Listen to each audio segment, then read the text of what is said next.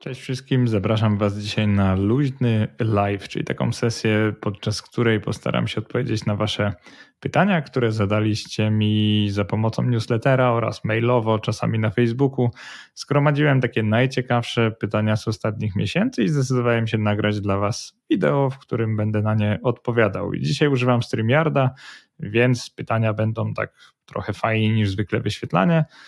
Zacznijmy od kategorii inwestowanie pasywne, ponieważ w tym wideo będziemy rozmawiać tylko o inwestowaniu pasywnym oraz aktywnym. Na początek idzie inwestowanie pasywne.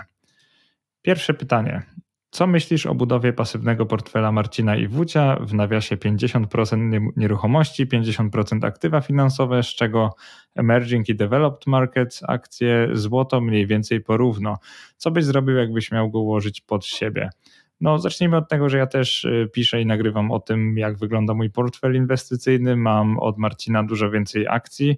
Y, może trochę z uwagi na wiek, trochę z uwagi na preferencje, ponieważ ja akurat nie wyobrażam sobie, żeby wraz ze wzrostem mojego portfela aż 50% stanowiły nieruchomości, bo to by znaczyło, że musiałbym kupować y, jedną, drugą, trzecią i tak dalej, i tak dalej, a ja nie chcę stać się inwestorem w nieruchomości. Po prostu dla mnie to jest za dużo roboty. Jeżeli chodzi o część poza nieruchomościami, no to oczywiście, jak pewnie też wiecie, ja raczej nie dzielę na emerging developed, tylko żyję zgodnie z filozofią, że no jak pasywnie, to pasywnie, więc cały świat. Niech po prostu taki, jaki jest naturalny współczynnik, naturalny udział emerging niech będzie, ale nie muszę mieć nic y, więcej. No i inwestowanie w złoto to jest dla mnie taki wypełniacz, dopełniacz, ale niekoniecznie y, się tym tak param, żeby mieć go tyle co akcji na przykład. Więc też pewnie bym trochę zredukował tutaj. E, drugie pytanie. Buduję portfel długoterminowy. Co lepiej by się sprawdziło? Czy jeden ETF na cały świat, czy rozbicie na części, akcy części akcyjnej na dwa ETF-y? Jeden na rynki rozwinięte i jeden na rynki wschodzące. Co jest lepszą opcją? No to trochę dotyka tego pierwszego pytania też, czyli tego, jak Marcin buduje swój portfel. Dla mnie rozbijanie części akcyjnej o tyle nie ma sensu, że po pierwsze, te najlepsze rynki wschodzące, jak będą awansowały w kontekście wzrastającej wartości akcji, jak i wzrastały tak gospodarczo, że obywatele będą bogatsi, no to w końcu przejdą z emerging do developed markets, czyli w końcu one znajdą się w rynkach rozwiniętych tak czy owak. To jest jeden argument.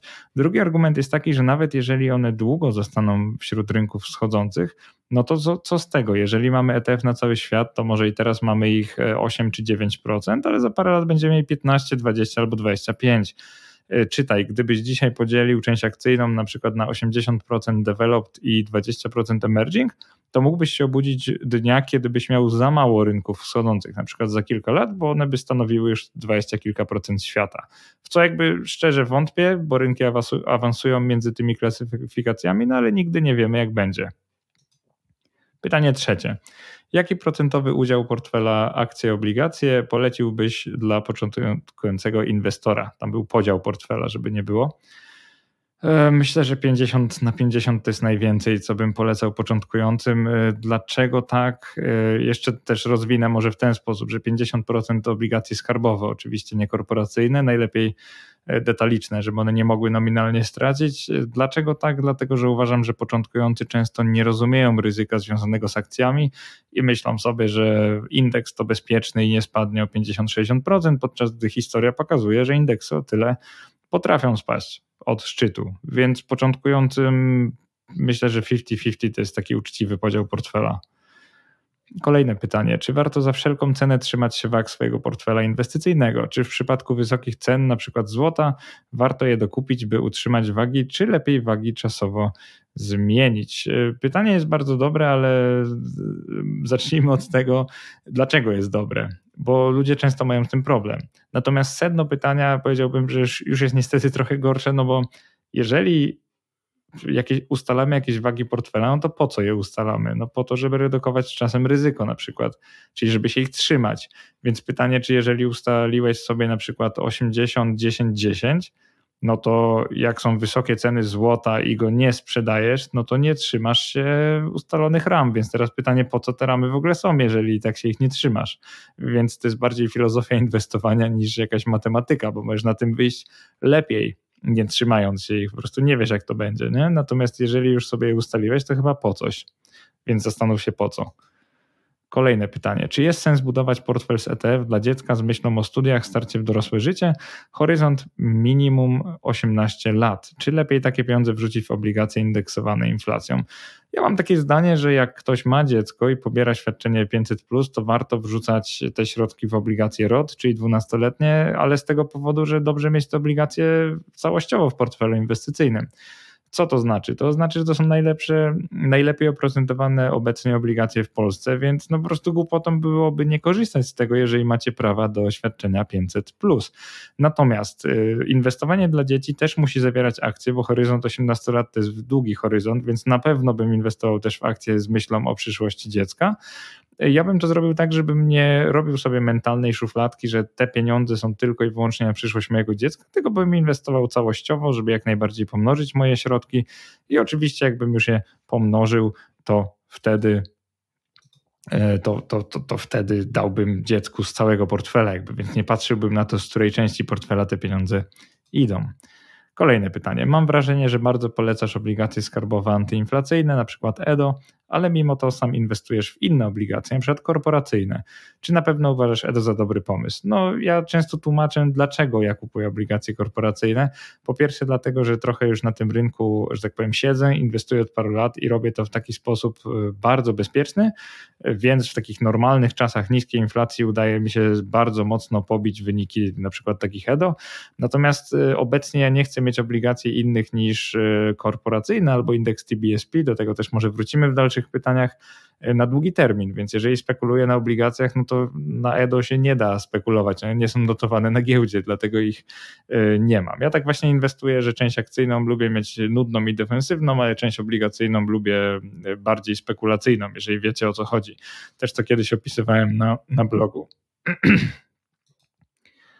E, następne pytanie. E, proszę opowiedz o wskaźniku XIR używanym chociażby w waszym arkuszu.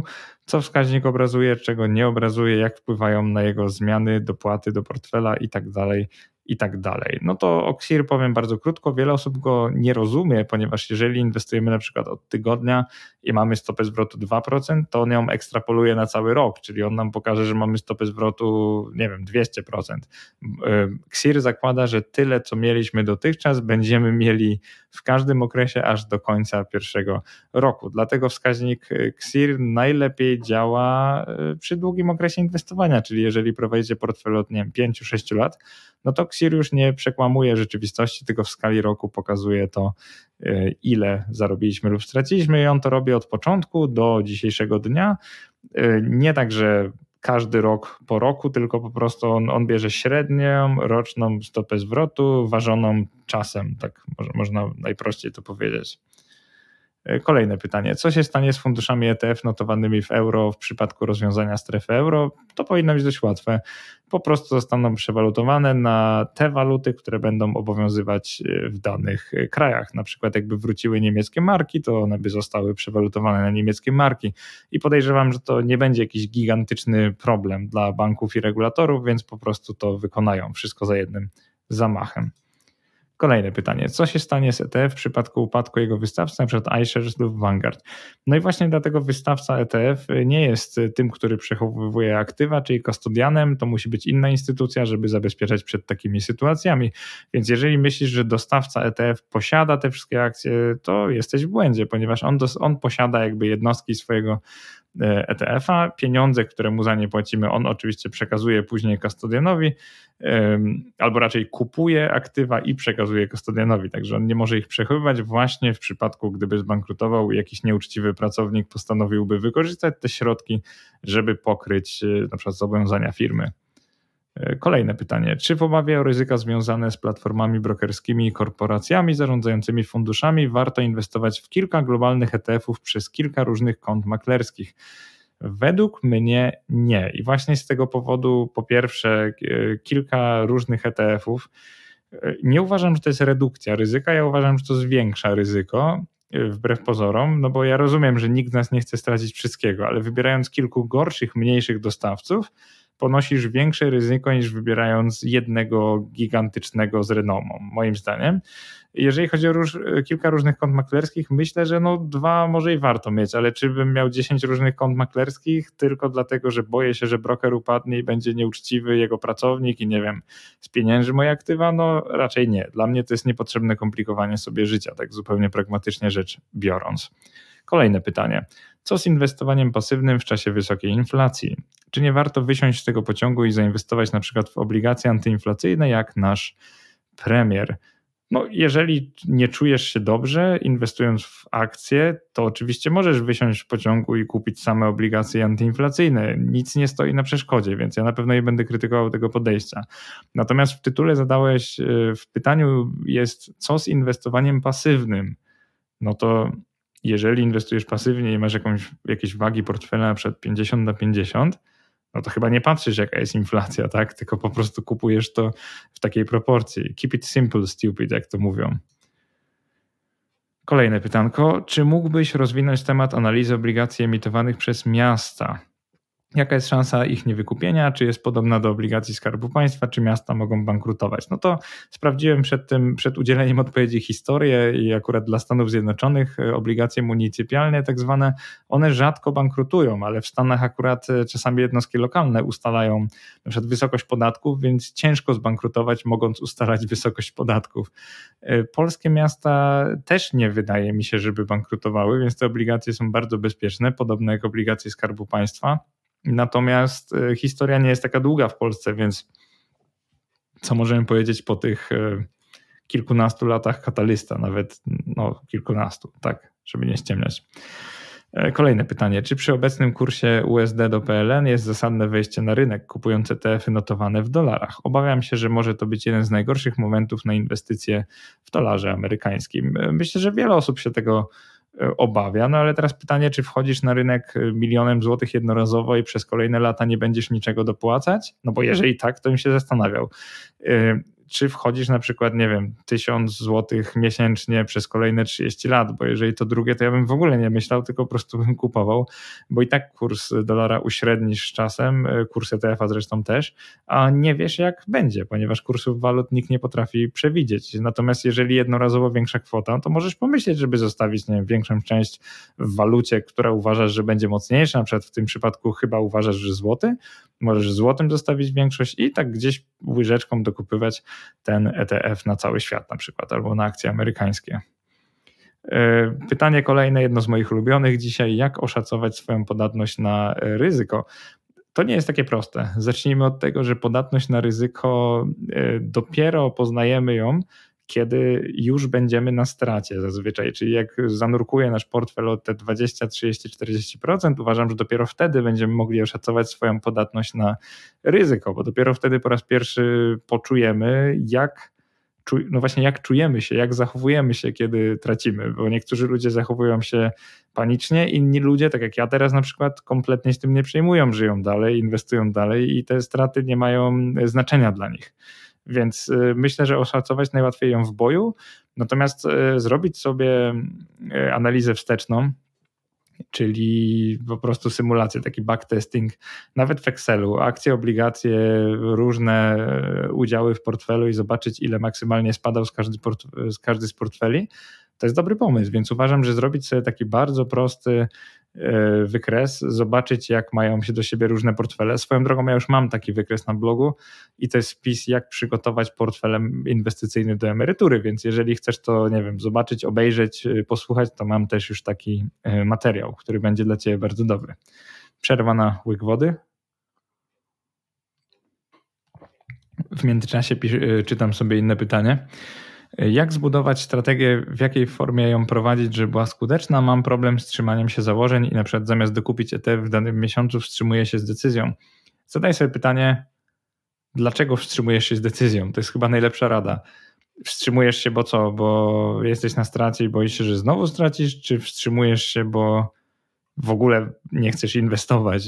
Jakby zastanów się, dlaczego tak robisz. Natomiast forma strategii jest bardzo prosta. Wydrukuj sobie założenia, powie się sobie w widocznym miejscu, gdzieś, nie wiem, obok komputera, za sobą, gdzieś, gdzie będziesz miał po prostu ciągle e, wizję, dostęp i czytaj je. Po prostu nie rób transakcji bez przeczytania założeń i, i, tyle. I w ten sposób, nawet jak inwestujesz aktywnie, nie kupisz spółki, której nie powinieneś mieć, jeżeli masz tak zwaną checklistę. Więc uważam, że checklisty są bardzo mądrym sposobem inwestowania również.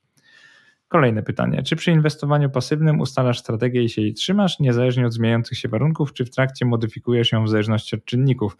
No i znowu podobne pytanie. Jeżeli inwestowanie jest pasywne, no to ustalasz strategię i się jej trzymasz.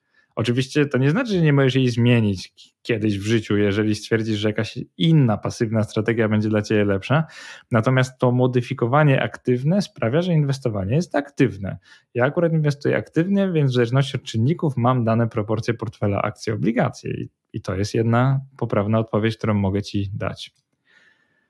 E, kolejne pytanie, już przedostatnie z tych pasywnych. E, czy lepiej jest kupić ETF-a jednorazowo za kwotę, jaką się chce wydać, czy kupować w transzach? Większość materiałów, na przykład na YouTube, powie Wam, że lepiej jednorazowo, ponieważ przez 70% przypadków historycznie tak zwany jednorazowy zakup pobił dzielenie na przykład na 12 albo 24 miesiące. I to jest prawda, ponieważ giełda przez większość czasu rośnie, więc to jest logiczne, więc że statystycznie mamy większą szansę wygrać z, z, kimś, kto rozłoży w czasie, jeżeli zainwestujemy dzisiaj, skoro giełda rośnie przez większość czasu, więc czysto matematycznie jednorazowo. Natomiast psychologicznie, jeżeli nigdy nie inwestowałeś lub nie inwestowałaś i masz na przykład dużą kwotę, no to kom kompletnie nie polecam jednorazowych inwestycji, bo to jest prosta ścieżka na wpędzenie się w jakiś błąd inwestycyjny, bo moim zdaniem możesz, masz wtedy większą podatność na no, takie głupie, powiedzmy, emocjonalne decyzje, a tego nie chcesz, więc takie kupowanie w transzach to według mnie nic złego, dopóki się nie przesadza z tymi transzami i nie rozbija jednego zakupu na 6 lat, bo to, to na przykład dla mnie nie ma kompletnie sensu. E, kolejne pytanie, ostatnie z pasywnych. Jak liczyć w nawiasie backtesting dokładne ryzyko walutowe w długim terminie względem portfela ETF globalnych lub ETF plus polskich obligacji? Jakie narzędzia polecasz? Ja mam do backtestingu własny Excel. E, także polecam zrobić sobie podobny. Jedyny problem jest taki, że musisz znaleźć źródła danych dobre i jeszcze danych z dywidendami, więc to w ogóle nie jest proste. Kilka takich źródeł macie w polecanych na moim blogu, także takie proste symulacje jak na przykład S&P 500 Total Return, czyli z dywidendami lub też obligacje amerykańskie, to takie dane mamy darmowo w internecie, więc możecie sobie to prosto zrobić. Teraz tak, ryzyko walutowe. No to dane walutowe mamy na stronie nbp albo stoku.pl. Obydwa źródła bardzo polecam. Jak dokładnie zrobić backtesting? No to mamy problem, bo nasza waluta ma dość krótką historię, ta jej nowo, nowożytna e, wersja. Mm, więc no zobaczcie sobie zresztą na przykład kurs e, USD do PLN i zobaczycie, że takiej sensownej historii to mamy dwadzieścia kilka lat, a wcześniej to były jakieś tam astronomiczne kwoty i zbyt duże zmiany, więc oczywiście zakładając, że w przyszłości będzie tak samo, to no nie wiem, czy taki backtesting coś nam e, da. Więc e, jedyna poprawna jest e, taka odpowiedź, że poczekajmy 20 lat i wtedy zróbmy porządny backtesting walutowy, bo na razie mamy za krótką historię. To były moje odpowiedzi na pytania o inwestowaniu pasywnym. Pozwoliłem sobie pominąć te, które, w których pytaliście o rzeczy, które na blogu już są, bo stwierdziłem, że nie będę się powielał, bo właściwie po co. Jeżeli nie odpowiedziałem na Wasze pytania, ale mimo wszystko chcielibyście odpowiedzi, to po prostu zadajcie je jeszcze raz w komentarzach, a postaram się albo odpowiedzieć następnym razem, w następnym QA, albo po prostu w komentarzu Wam odpiszę, tak jak często to zresztą robię. Inwestowanie aktywne, pierwsze pytanie. ETF-y skupiające się na rozwiązaniach ekologicznych, może nie szczególnie zwracających inwestycje w pieniądzu, lecz w polepszeniu sytuacji środowiska. Czy coś takiego istnieje? Polecisz coś. Coś takiego teoretycznie istnieje, nazywa się to ESG Investing albo SRI, czyli SRI po prostu po polsku, y, Socially Responsible Investing. Mm, to czasami jest ekologiczne, czasami społeczne bardziej. W każdym razie zawsze chodzi o to, żeby promować wśród spółek dobre praktyki, a nie te złe, cokolwiek to znaczy. E, jakie ja mam o tym zdanie? No takie ETF oczywiście istnieją, pewnie napiszę o nich w końcu wpis. E, jeden z nich nawet zasłynął tym, że pokonywał szeroki indeks, ale powiem wam szczerze, to był zwykły przypadek, że akurat te firmy, które on wybierał, pokonywały indeks. Natomiast co mi się nie podoba w nich, to to, że sprawdzam czasami takie indeksy ESG i widzę, że tam jest przykład Coca-Cola i Pepsi. No to czy one mają, czy one są jakieś super pozytywne dla środowiska, to bym polemizował. No może, może są neutralne, może nie są negatywne, ale czy są pozytywne, zwłaszcza dla człowieka, no to polemizowałbym, nie? Kolejne pytanie z tych aktywnych. Co Twoim zdaniem będzie się działo z rynkiem obligacji w najbliższych latach? No to niestety nie zdefiniowałeś, e, czy obligacji skarbowych, czy korporacyjnych, więc muszę szeroko odpowiedzieć. E, tak naprawdę, żeby odpowiedzieć na to pytanie, musielibyśmy znać takie wartości. Przyszła inflacja, przyszłe stopy procentowe. To jest minimum. I oczywiście, no nie, myślę, że to jest to. To jest minimum. Jeżeli będziemy mieli taką podwyższoną inflację jeszcze przez 3-4 lata, to jest możliwe, jakby nie patrzeć, wiele ekspertów tak mówi, no to to jest świetny moment na, dalej na obligacje w EDO na obligacje EDO. Jeżeli stopy procentowe zaczną y, spadać za jakiś czas, czyli inflacja zacznie ustępować, no to jest świetny moment na obligacje stałoprocentowe i właśnie w takie obligacje wtedy zainwestuję, o czym napisałem taki wpis, y, kiedy kupić ETF na indeks TBSP, jeżeli chcecie zobaczyć. Kolejne pytanie, co myślisz o inwestowaniu na niemieckiej giełdzie DAX czy MSCI Europe? Oczywiście, jeżeli chcesz same Niemcy, to DAX, tylko tam nie masz zbyt wielu spółek. Jeżeli chcesz szerzej, to MSCI Europe. Ja zawsze będę sugerował inwestowanie szerzej, więc ten MSCI Europe jakoś naturalnie bardziej mi się podoba niż sam DAX, chociaż koszty inwestowania w samego DAXa mogą być znacznie niższe, bo to jest po prostu tańszy ETF. E, co myślisz o strategii GEM i jak byś ją przy użyciu europejskich ETF-ów e, zbudował, rozumiem, minimalizując obsunięcie kapitału? E, jeżeli nie kojarzycie GEM, czyli Global Equity Momentum, to bardzo dużo o niej pisze Jacek Lempart, więc zapraszam na blog systemtrader.pl i tam przesłuchajcie sobie, bo już macie dobry opis tego, co to jest. Co ja o niej myślę? Myślę, że gdybym inwestował w kraju bez podatku belki, jest to świetna strategia. Myślę, że z podatkiem belki już robi się taka trochę gorsza. Dalej historycznie pobija indeksy szerokie i takie pasywne inwestowanie, natomiast y, często płaci się wysoki podatek belki, co gdzieś tam naturalnie jako inwestor taki defensywny, ale też defensywny w kwestii podatków, że nie chce ich płacić za dużo, jak to każdy inwestor, to mi się jakoś mniej podoba, że musiałbym wymieniać y, całą, całą część portfela z akcji na obligacje i zrealizować jakiś gigantyczny zysk po kilku latach. Y, przy, Europ- przy użyciu europejskich ETF-ów oczywiście można ją wykonać. Co prawda trudniej niż korzystając z amerykańskich, bo tam mamy ten słynny cały świat minus USA, tu nie mamy, więc musimy tu odtworzyć po prostu kilkoma ETF-ami. Nie rozumiem tej części minimalizując obsunięcie kapitału, szczerze mówiąc, no bo każdy gem zaimplementowany poprawnie, no tak naprawdę sprawdzasz e, jakiś e, czas, czyli na przykład 12 miesięcy stopy zwrotu, więc jeżeli będziesz to idealnie wykonywał, to każdy gem przyniesie taki, taki sam zwrot, przynajmniej tak powinno być. Jaki największy wynik procentowy udało Ci się wykręcić na jednej transakcji? To jest kolejne e, pytanie, kilkaset procent. E, jeżeli dobrze pamiętam, 400-500 procent. Tyle, że na transakcji na akcjach, a nie ETF-ach. Na ETF-ach nigdy nie zrobiłem 500% na jednej transakcji. E, ta transakcja wcale, ta pozycja nie była otwarta jakoś długo, myślę, że kilka lat, e, a tak to staram się w ogóle nie realizować zysku, bo ja chcę trzymać akcję jak najdłużej, więc jakby wykręcony wynik oznacza, że go zrealizowałem. No to staram się za często nie realizować. E, kolejne pytanie. Zarabiam w dolarach i zbieram pieniądze na mieszkanie, które chcę kupić za PLN w przyszłym lub kolejnym roku. Gdzie najlepiej odkładać pieniądze, aby nie straciły w tym czasie na wartości? I tam jeszcze było dodatkowe pytanie, ale to zaraz do niego przejdziemy. E, no, jeżeli zarabiasz w dolarach, ale zbierasz na mieszkanie, które chcesz kupić za złote, to naturalnie najlepiej odkładać e, pieniądze w rocznych albo dwuletnich obligacjach w PLN. I nic lepszego nikt raczej nie wymyśli. E, zaraz dojdziemy do tego o mieszkaniach, bo pamiętam, że też było takie drugie podobne. W jakich aktywach warto przechowywać gotówkę na czas krótkotrwały, 3-6 miesięcy? W założeniach do pytania pomijam ETF na krótkoterminowe obligacje skarbowe USA z powodu bardzo wysokiego kursu USD do PLN. Ojej, no trudne pytanie, pewnie w krótkoterminowych obligacjach y, i to kupionych bezpośrednio. Czy to będą obligacje USA, y, czy to będą obligacje w PLN? Widzę, y, że masz preferencję, żeby inwestować w PLN, więc pewnie krótkoterminowe obligacje skarbowe lub nawet nic nie robić. Niektórzy też powiedzą, że możesz znaleźć jakąś dobrą lokatę lub depozyt i jeżeli jest dobrze oprocentowana, to oczywiście też możesz to przemyśleć. Co myślisz o inwestowaniu w fizyczne srebro, monety, sztabki? Y, dużo o tym nie myślę, ponieważ się tym nie zajmuję, nie miałbym tego gdzie przechować i uważam to no po prostu, po, że to jest poza sferą moich zainteresowań. Przepraszam, jeżeli cię tym zawiodłem, ale nic więcej o tym nie powiem.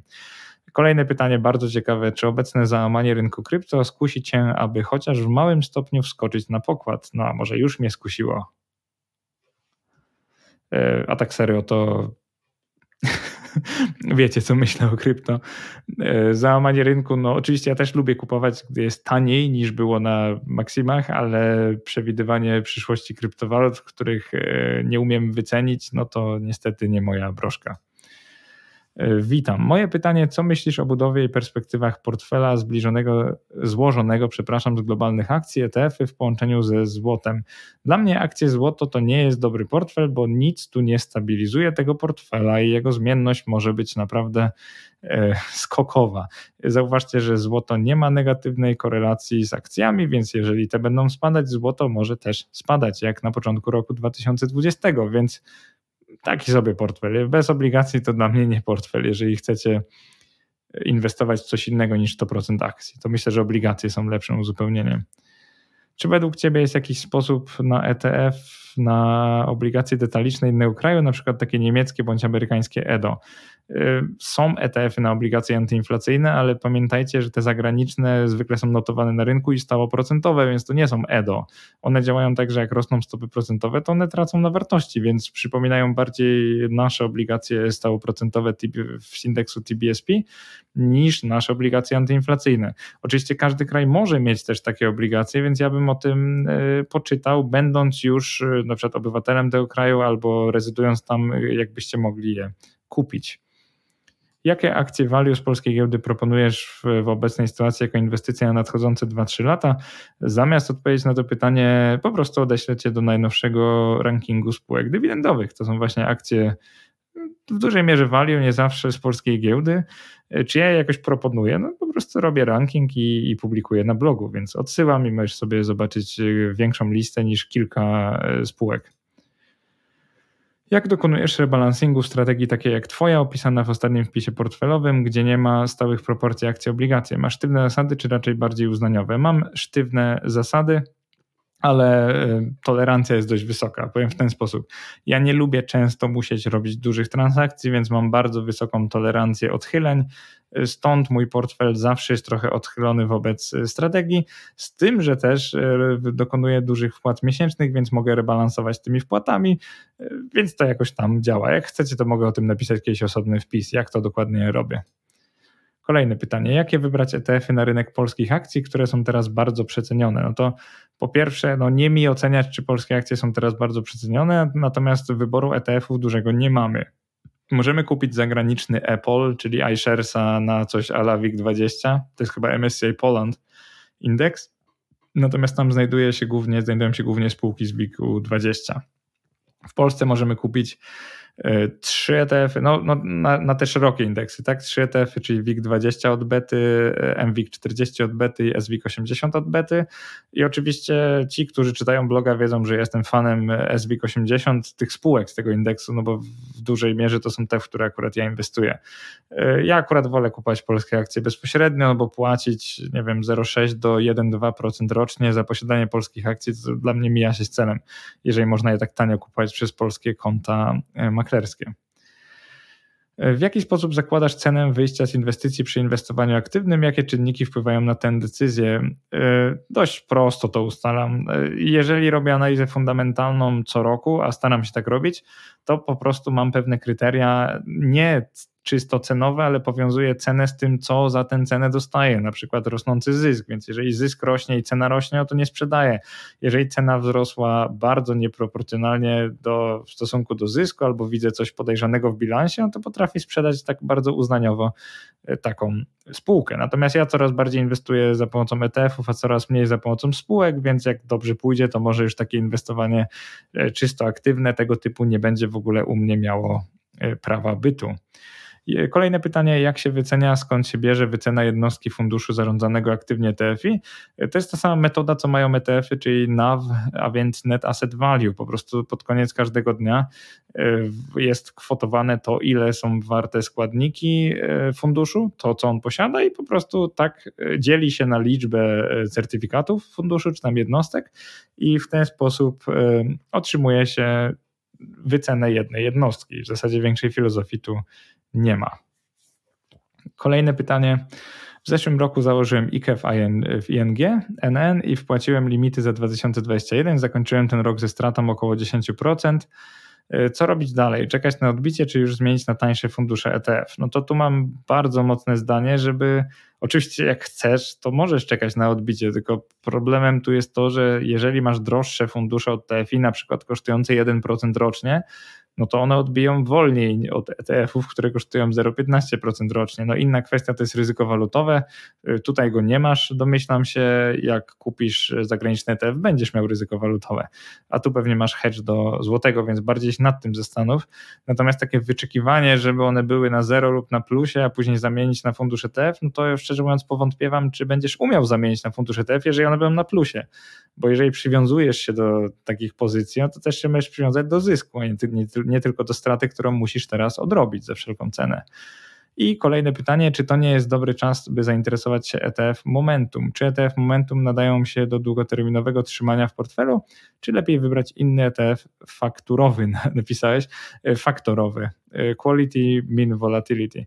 E, bardzo ciekawe pytanie i teraz ETF Momentum, co on wybiera? On wybiera spółki, które najbardziej rosły w ostatnich miesiącach. Taka ciekawostka, czyli inwestuje z trendem. Długoterminowego trzymania myślę, że tak, natomiast dla mnie ETF Momentum najlepszy jest po dużych spadkach. Jeżeli już zaliczyliśmy duże spadki od szczytu, to im wyższe spadki, tym lepszy od teraz będzie momentum, bo możemy spodziewać się kolejnego trendu wzrostowego. Więc momentum jest taki sytuacyjny.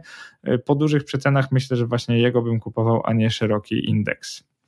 Ostatnie pytanie y, z cyklu tych inwestycyjnych, bo dzisiaj pokrywamy inwestowanie aktywne i pasywne. W jaki sposób monitorować spółki, na przykład GPW, żeby uchronić się przed ich ewentualnym bankructwem i względnie wcześniej sprzedać? Jest do tego jakaś wspaniała aplikacja, alerty cenowe mi nie wystarczają. E, powiem szczerze, nie znam aplikacji, która będzie przebierać ci e, kryteria fundamentalne i wysyłać alert, jak na przykład spółka się za bardzo zadłuży, ale może są takie strony. E, ja ich akurat nie używam, bo ja samodzielnie wykonuję analizy, także jak posiadam spółki w portfelu, nawet jakich nie posiadam, to mam taki wielki plik, dane z wielu, wielu lat i sobie tak kwartał po kwartale powoli dłubię i sprawdzam, czy coś się nie zmienia na gorsze, ale taka wersja mini to jest jak masz, nie wiem, 10 spółek, wchodź na Biznes Radar i po prostu sobie sprawdzaj e, w dziale analizy finansowej, e, sprawdzaj sobie po prostu liczby i myślę, że to wystarczy, no bo wystarczająco szybko zauważysz jakieś tam dziwne rzeczy, plus pewnie inni zauważą wcześniej, więc spółka zacznie mocno tanieć, więc po tym też zauważysz, że coś poszło nie tak. To by było na tyle, jeżeli chodzi o te pytania. Mam nadzieję, że ta pierwsza część Q&A Wam się podobała, taka nagrana w StreamYardzie. Wiem, że jakość może być trochę gorsza, natomiast te dymki są bardzo przydatne, no bo dzięki temu bardzo prosto i szybko zobaczycie, jakie, gdzie było pytanie. Jeżeli się podobało, oczywiście dajcie tutaj lajka, subskrybujcie mój kanał na YouTube. Będę Wam za to bardzo wdzięczny. No i do następnego. Na razie. Cześć.